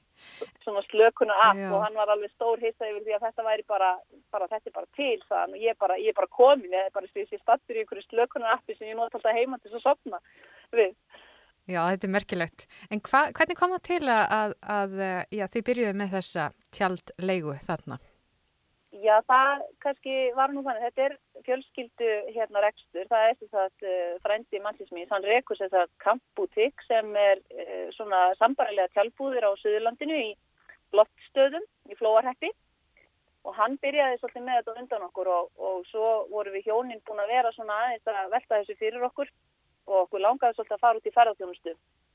Meðal annars kom það nú kannski til vegna þess að við vorum búin að vera þess að fá í gegnum vinnuna hjá manninu mínum erlenda gesti og alltaf þegar við komum með þá hinga svona í þessum ferðarlögum okkar uh, sem þetta á vað og til foreldra minna Já. þá urðu þeir alltaf svo ofsalega hryfnir þeir bara einhvern veginn trúðu ekki, þú veist, þetta var svo einhvern veginn svona óspilt og einhvern veginn allt svo hreint og svona aðeins afskekt og svo er náttúrulega fljótið hérna liðast fallega hérna um og þeir sem þekkja hafa komið ynga, þá er þessi náttúrulega hérna svolítið, hún er á mörguleiti mjög svona einstök og hérna og fljótið spila það stóran part og þetta fossilskóur og hérna og gljúrin hérna. Þannig að þetta er, þetta er fallið og stórbróti náttúru og þessir útlendingar þeir voru alltaf ofsalega, ofsalega svona einhvern veginn hærðir yfir því að koma hérna í þessa kyrð og fegur og það svona kveikti aðeins líka ljósi okkur að, að það væri kannski hægt einhvern veginn að nýta þetta líka af því að fóreldra mínir uh, hættu nú að búa fyrir já, þeim, þreim árum alveg með sögfaldúrskap og við fjölskyldan svona vorum að velta fyrir okkur kannski líka hvort það væri svona hægt að nýta eitthvað á jörðin og gera eitthvað hérna svona kannski saman. Þannig að þetta varð úr og fórum að ræða þetta við, við uh, hann, hann Erni Skorra sem er eitthvað kampútík fyrir sunna hvort að við getum kannski bara verið líka með tjöld hérna niður við árbakkan og Já, það varð úr og við opniðum í fyrra Já, og, og, og segðu mér aðeins frá þessum tjöldum. Hvernig, hvernig eru þau innréttuð og, hvernig virkar þetta? Já, sko þetta er, þetta er eftir ótrúlega skemmtilegt. Þetta eru bara svona, þetta er nú ekki kannski gömlu segl, segl eins og gömlu segltjöldin voru hérna áður fyrir en þetta eru samt tjöld sem að var búið að leggja mikið metna í að finna réttu tjöldin og þau eru mjög vind og vasseld. Það var reynst gríðarlega vel í, í veðrum, slæmum bæði regn og, og vindi og, og halda sér algjörlega. Og þau eru þess að bara mjög vel útbúin, þau eru, það er teppal löggólfin og þau eru allir stór, þau eru minni tjöldin sem tekja manna tjöldin eru alveg 23 fermetrar og stærri tjöldin eru 24 fermetrar sem geta þess að fjóri ekki stíl. Það er svolítið fyndið að tala um tjöld í fermetrum svona eiginlega bara eins og húsnæði. Já, akkurat, þannig að fólk getur sett þetta í svona samhengi en, en þau eru þess að fullbúin húsgögnum, það eru uppbúin rúm bara, og, bara hérna uh, og það eru húsgögn og svo eru við með hitunabúna, hérna hitablásara og, og svo eru hitateppi í rúmum. Já, já, þannig að mann verður, ekkert kallt á að liggja þarna. Nei, sko í góðu veðri, það sko þarf alltaf að, auðvitað, við erum út í náttúrinu, við erum í tjaldi, þannig að það þarf alltaf að huga veðri, Já. en í góðu veðri þá eru þessi tjöld bara ofsalega hlý og góð og auðvitað með þessum hittunagræjum, en ef auðvitað er alltaf kallt úti þá hefur það auðvitað áhrif, en, en við getum alltaf náða að kynna þau bísna vel. Já. Eh, hvernig sjáu þið svo fyrir ykkur bara, já, sko síðasta sumar á Norðurlandi var ansi vætu samt og það var svona sutta sumar. Eh, þið, tjöldin hafa sem sagt staðist þá eh, prófun. Já, þau stóðust það og hérna og það var frábært að, að vita það að, hérna að þau brugðust okkur ekki og stóðu sér gríðarlega vel og, og við höldum náttúrulega núna norrlendingar að við getum ekki fengið verra sumar heldur við fengum í fyrra þannig að við krossum fingur en, en já, já, þetta gekk bara allt, allt ótrúlega vel þrátt fyrir að svona veðráttan var ekki alveg að leika við okkur og, og sumarið í sumar er bara, við, við erum bara spennt Já. sumrinu og auðvitað verður þetta svolítið öðruvísi sumar í sumar af því að við vitum náttúrulega ekki alveg hvernig þetta verður allt saman með, með hérna, komu ferðamanna. Þetta ætti nú kannski erum- að vera góðu staðu til þess að fara í sótkví, vera í lúksustjaldi við skjálfandafljót. Já, akkurat, sko. Ég hugsa nú að ég hef nú verið í sambandi dálítið við, við kúnana mína sem eiga bóka hjá mér og, og maður heyri það að menn vilja koma til Íslands. Já, og menn er ekki tilbúinur til þess að afbóka, menn halda dálítið fast í bókanina sínar þannig að hérna, við verðum þetta bara að býða og sjá hvernig þetta verður allt saman. En hins vegar er ég ofsalega glöð með það hvernig, hvernig samlanda mínir hafa tekið bara í, í þetta hjá okkur líka af því að þetta í fyrra sumar þá fengum við alveg þó nokkuð af, af uh, íslenskum gestum þó að erlendu gestunir hafa kannski verið alveg 90% þannig að Íslandingar eru búin að sína þessu mikinn áhuga núna í, í, í vor já. og eru bara búin að bóka talsvert, sérstaklega núna svona fyrirpartin, ég held að, ég held að við séum svolítið svona fyrst í einhver ævindýri. Já, þannig að þetta verður kannski ekki jafn erfitt sumar og maður kannski reiknaði mér fyrir marga í ferðarþjónustunni. Já, ég hugsa það sé nú kannski aðeins upp og, upp og ofan Mm. hvernig það er auðvitað en, en við erum kannski svolítið heppin af því að við stöndum náttúrulega uh, vel að við með það að við erum þau einu sem er að bjóða upp á nákvæmlega svona þjónustu á öllu norður og austur landi Já, já, einmitt. og, og, hérna, og fólki finnst þetta svolítið spennandi. Við erum líka að finna sama við þetta, uh, við erum að bjóða, verð, verðum við líka hægt að leia hjá okkur ramarsvallahjól og ætlum að fara með fólk hérna, um náttúruna þess að fallegu leið sem liggur hérna suður fjótseiði og, og að goðafossi og fara með fólk í svona náttúrutúra á rafmaks fjallahjólum. Já, svona umhverfisvænt. Já. umhverfisvænt. fjallahjól.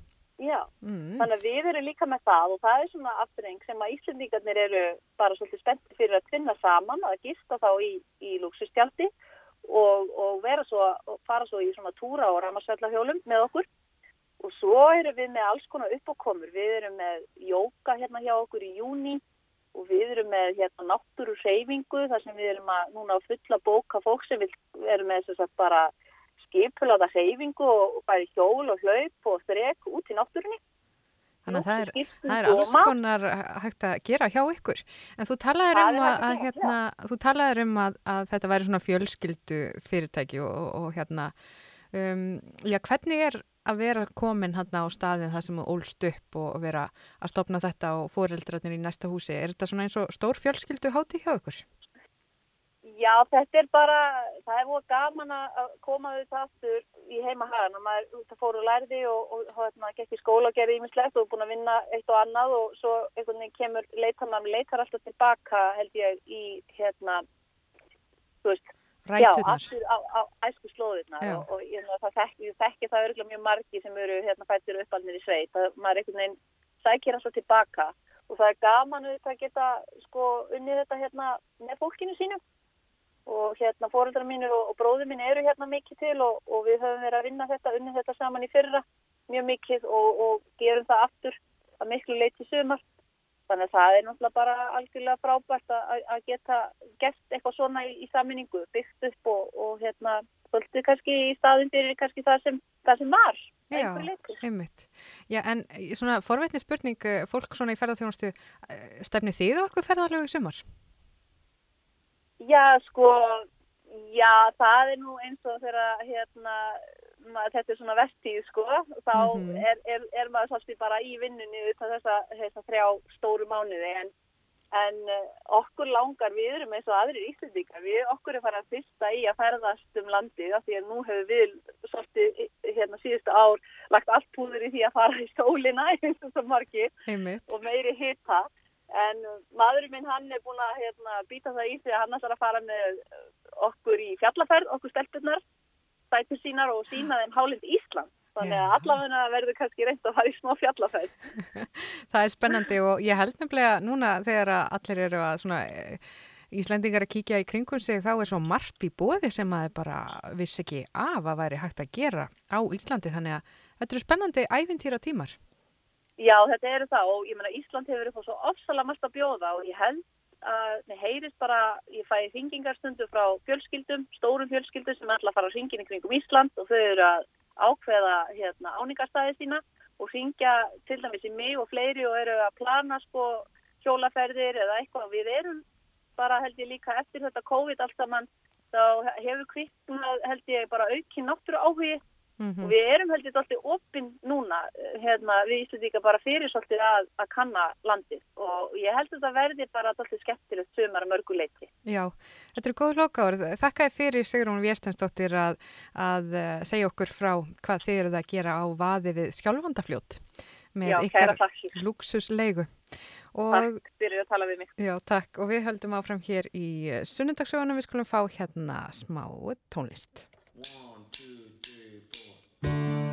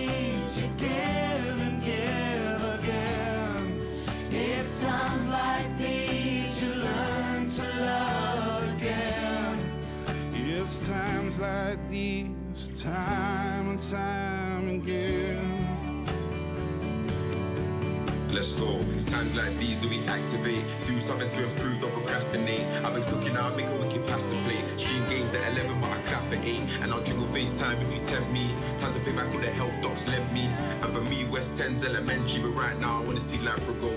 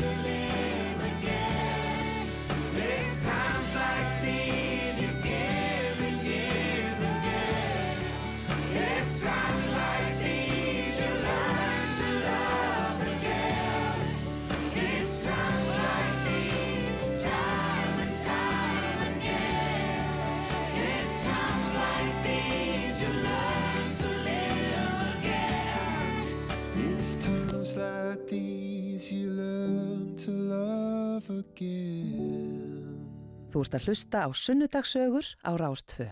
Já, þeir eru að hlusta á sunnudagsögurnar og við fyrir nú bráðum að heyra í þjókasverðinum í Ásbyrgi. Þú erum að slá hérna á þráðandinn hans en fyrst skulum við heyra lagið Happy Together, Mark Ronson og King Princess.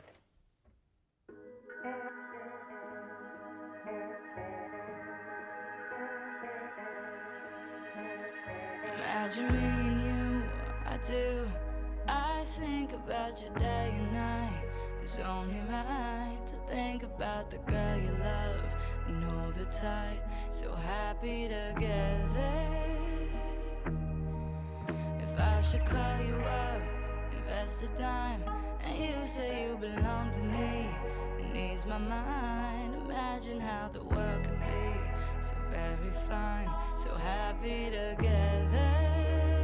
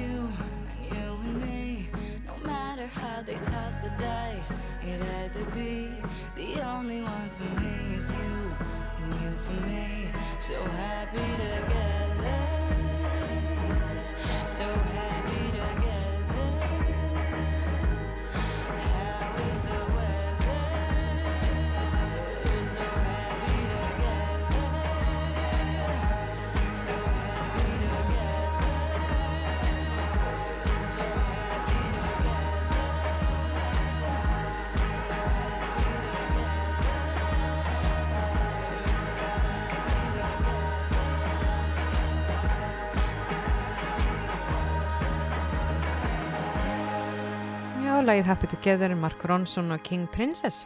En við erum komin í samband við þjóðgarsvörðin uh, Guðmund Augmundsson í Ásbyrgi. Sælvertu Guðmundur? Jú, selvistu. Jæja, hvernig viðrar hjá ykkur? Herði, það viðrar, viðrar nú ekki sérstaklega þessa stundina, sko. Það er algjörðu skítu. Það fínast að vera hérna í morgun, sól og, já, og gott en, en já. Er, er aðeins að þykna upp sem sagt hjá ykkur? Já, það er eitthvað þannig. Það er búið þetta auðlýsa í sko bara fréttum að þarna verði besta veðrið. Þetta er kannski svona pressa. Gæti verið, gæti verið. En uh, já, ég heyrði í þér áðan og, og þú sagðist eh, að það er verið að vinna mikið að undirbúningi tjaldstæðana þarna hjá ykkur. Uh, hver, hvernig verður þetta hjá ykkur?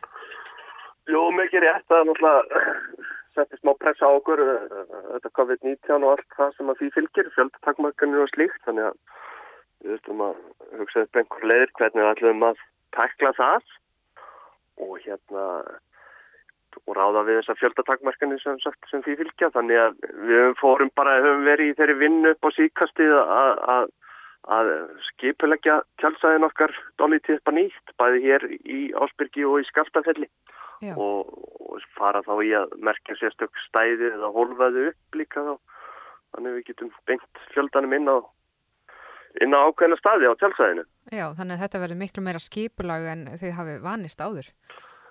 Já, algjörlega og, og hérna og líka sem verður þá samlega þessu þá er verið að fara er verið að þróa vefbókunar kerfi sem mun þá tryggja það að fólk geti sem sagt bóka sér stæði áður en það kemur hingað á tjálsæðið. Já, já, já, þannig að það þýðir ekkert eiginlega að, að ætla bara að renna við og, og fá tjálstæði það, maður fyrir að skipuleik þetta með meiri fyrirvara. Já, allan að fréttamaðurinn er búin að segja að það verði 20 stegi híti og sól hérna einhverja helgina sko þá er hérna eins gott að tryggja sér áður en maður fyrir á stað sko því að eins og segi það er verða fjöldatakmarkanir gildi og við þurfum að vera að hörða á því og, og hérna þannig að einhvern veginn verður að halda utan að það. Já, og þið ætlið að hafa vef eh, skráningu sem sett, eh, skráningarkerfi. Hvenar mun það koma í loftið? Væntalega bara núna í júni.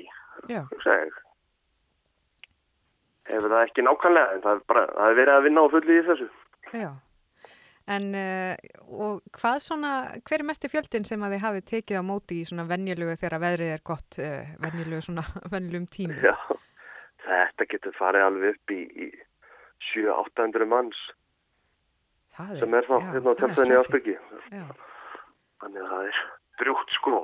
Og, og svona í þessum fjöldatakmörkunum, hvað mun það þá uh, vera mikill fjöldi?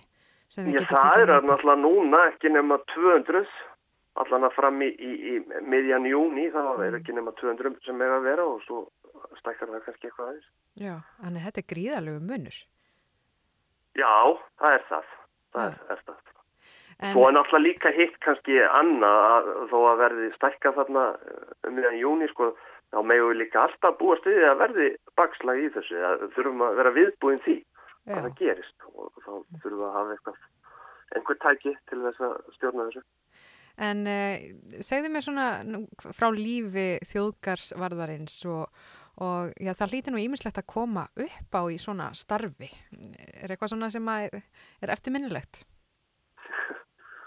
Það er svona, jú, jú, eitt annað þannig og þetta er náttúrulega þannig einhvern veginn maður oft þannig að maður veit ekkert hvað eh, býður mann sem maður mætur í vinnuna á mótnana og hérna, já, allskyns uppákomur og, og þannig en hérna, já, ég eitt og annað sem gerist svo sem ég- ég mann eftir ansið góður í sögu úr skaftafelli því ég var í þar sko eitt sumarkvöldi að það var stúlka sem var landurinn sem átti þá leiðum svæði fyrir aftan þjónustumiðstöðina. Já.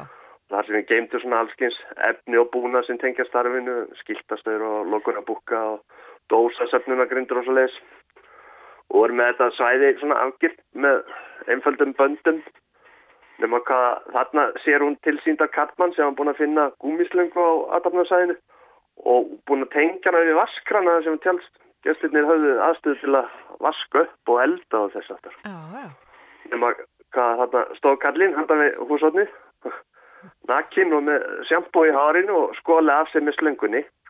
Og sennilega bara alveg heiminlegandi með það að hafa snúið svona á, á kerfi og spara sér þessar 300 krónur sem að kostaði í sturtu Nú, landurinn hún var aldrei vandrarlega í þessu. Ekki nú með það að kallinn var þarna berra sér. Heldur líka hún gerði sér grein fyrir því að hérna, að þessi slanga sem hann var að nota var svo sama og við notum til að tróða niður í frárenslu rörið og losa þannig um stíplur í klósettunum þjónustuvistinni átt að til sem stíplast eða fólk var að setja mikið pappir í það en sem það verður engir eftirmálar af þessu held ég nefnum að við auðvitað földum slönguna betur eða komin fyrir á betri stað daginn eftir en svo kallinu mögulega eitthvað klæjað í seppokanum um nóttina Það, það það er ekki spurning hvort hann hafi verið hreitni eftir þessa sturt, sturtuferð. það er spurning sko Fengið ykkur að gerla á sig. En þetta hefur nú, já, það eru svona sögur sem gerast. já, já, já, já það er það En segðu mér frá Ásbyrgi, þetta er nú vinsall staður, bæði meðal Íslendinga og erlendra ferðamanna. Hva, hva, hvað er svona helsta aðdráttaraflið, finnst þér, við þennan stað? Já, uh, sko, ég ætla að sé ekki landslagsformið kannski og sem sagt þessi miklu gljúur sem eru hérna jökulsangljúri og, og svo ásbergið sjálft og svo bara þessi gróðursælt sem að þetta náttúrulega skapar mikið skjól fyrir gróður. Og, og svo náttúrulega á þessum eh, góð viðri stöðum í sunnanátt og þannig og einmitt verður náttúrulega getur orðið mjög heitt hérna og, og, og mjög stilt þannig að fólk nýtur þess alveg eins og gróðurinn og Hefur verið þjóðgasverður þarna lengi? það eru, já, það eru rúm fjögur ár sem ég verið hér. Já, og fyrir er það náttúrulega- varstu í skattafelli, Jú, passar í skítverkunum. Nei, Já, það er skýtverki hérna líka sko, það er, nú er ég að vitna í söguna þína. Já, já, já, já, já, við losnum ekkert við það ég er heldur sko. En hefur alltaf verið svona náttúrubats, sótt út í og að að vera svona mm, á þessum svæðum? Já, svona, já, ég myndi segja það kannski, ég var náttúrulega krakki í sveit hjá ömmu í áttegi kvöldukinn, Já. Eiginlega öll sumur bara frá því ég var tveggja ára og unga til ég var unglingur og ég, svona, maður átt að segja á því kannski dálítið svona í setni tíð hvað það hefur mótað mann. En Svo náttúrulega tók maður unglingsárin og þetta heima í Reykjavík og, og en svo einhvern veginn eftir því maður eldist og þroskast einhvern veginn þá læri maður aftur líka með þetta betur. Já. Ég var líka í, í landuslu og skálaveslu hveravöllum og, og kýli. Já, þannig að náttúran hefur alltaf svolítið tókað í þig. Já, það hafði líka einmitt mjög sterk áhrif á mig að vera þar og hérna bæði á staðnum og svo þegar maður fór eitthvað fyrir hérna út fyrir staðið þar frá túristafjöldunum sem eru þetta þar og í þessi výverni sem eru þarna í kring sko það, það, það var ótrúlega sterkt og já. Já, en þú talar um þessa þarna, þú sagði skemmtisögu þarna úr skaftafelli frá uh, tímaðinu þar, en eru eitthvað uh, góðar sögur sem að eru frá Ásbyrgi? Ekki kannski jafna ekkert sem kemur endilega strax upp í hugan þetta er hérna Nei, ekki, ekki því mann eftir við þetta er líka, við erum aðeins með kannski öðru í þessi ferðamenn hér heldur en fyrir sunnan þetta, þetta er rosalega mikið af Íslendingur til það sem að kemur hingað rosalega mikið af, af fastagestum sem að þekkja vel staðinn mm þannig að, en jú, eflust er eitthvað sem að kemur upp í hugan leið og ég er búin að skella á þig sko. En þú talar, ég, hérna, þú sagði mig frá því áðan að það, sé, það er maður búin að vera þarna lengi hjá okkur og dveljast þarna yfir COVID-tíman. Það ekki? já, já, mikið rétt. Já, já. Þetta er það nú ekkert alveg strax, sko. Það var, hérna, útlendingur, hérna, frakki á húsbíl, hérna, hjá okkur. Hann var í janúar Já, og, og gisti þá, hérna, í tvær eða þrjá nættur minni mig á bílastæðinu bara fyrir framann gljúrastofu. Og, hérna, hún var allskins veður sem var í gangi þá. Svo fór hann bara sína leið en, en, en svo var hann komin aftur, hérna, í mars eða aprílu aftur með okkur strax að þetta væri saman og hérna nema hvað að hann ílengtist hérna daldið og hann er eiginlega bara meira og minna búin að vera hérna síðan og hérna ég held að það sé bara ákveðin gæðastill á hérna staðnum, hann velur að vera hér og en hérna, já, já, og hann er býða, búin að vera býða af hérna sér alveg- stormin. Já, og, og hérna, sem sagt, og, og er að býða sér vantarlega líka, að hann komist aftur til síns heima eitthvað, Já, hérna, hann neitt sjálfur, hérna, já, já, hann er, Það er gaman að þessu, þarna, þarna bara, mm, hann hefur fundið eitthvað gott eins og þú segir, þannig í Ásbyrgi. já, ég held að hann sé bara stunda einhverja íhugun hérna inn í botni hverjum degi og En svo hérna, Guðmundur, það er ný vinnuvika á morgun framöndan, hver eru svona verkefni sem býða inn á morgun? Herði, það er bara eitthvað tengsli vaktarskipulag starfnuna í sumar. Og já, morgundagurinn far ekki törlist í það, svo erum við að fara upp á Dettifossi á þriðjudaginn, hitta verktaka sem er að fara að reysa þar ný salernishús.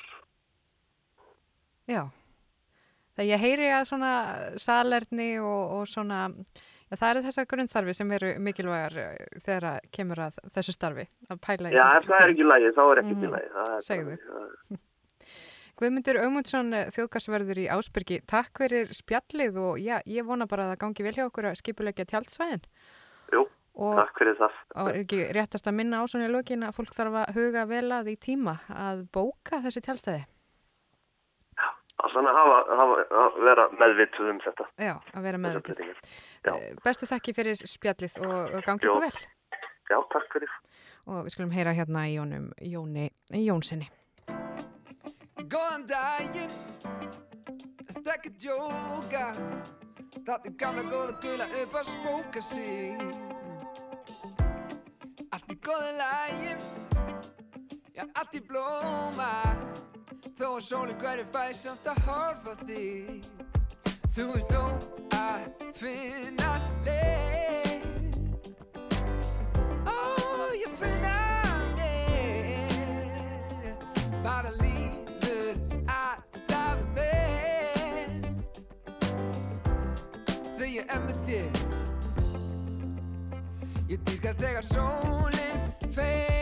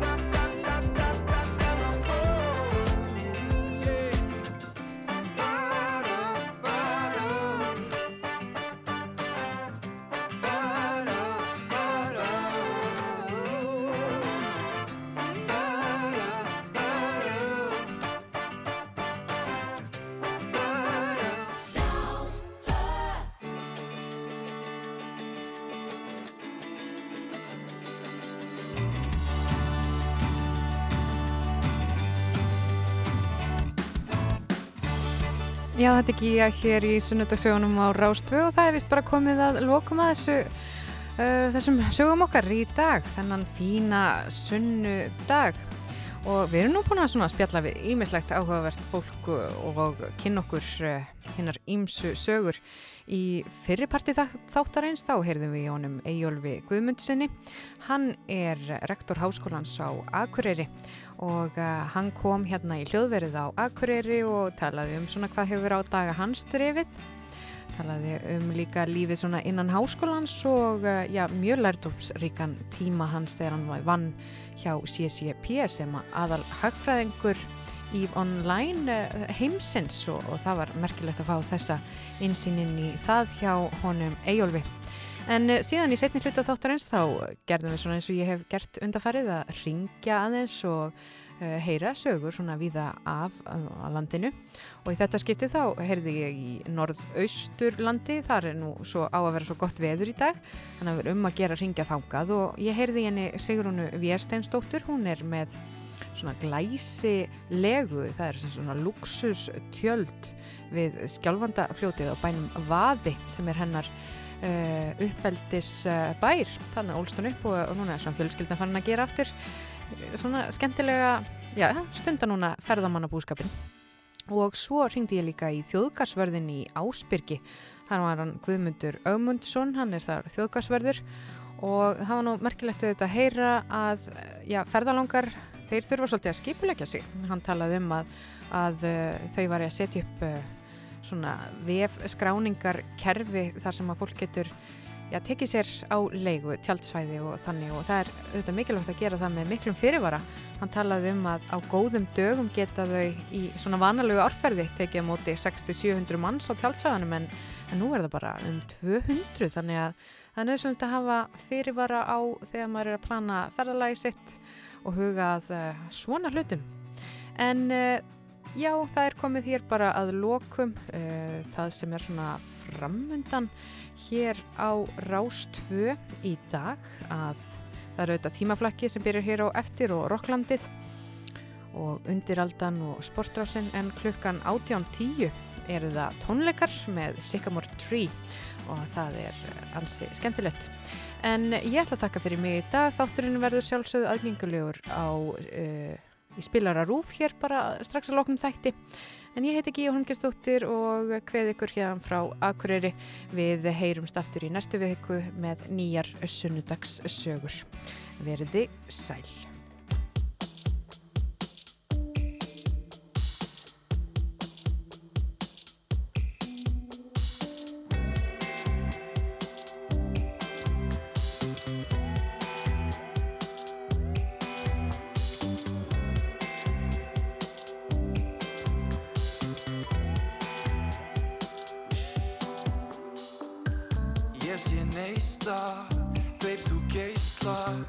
Fyrir kottan þinn á stinu þegar ég býti þín af ör Böður, rosa blöður Senur okkar mynd sem enginn fær að sjá nema við tvö. Skinum sögur saman, það sem var stjórnum öllu. Alveg samum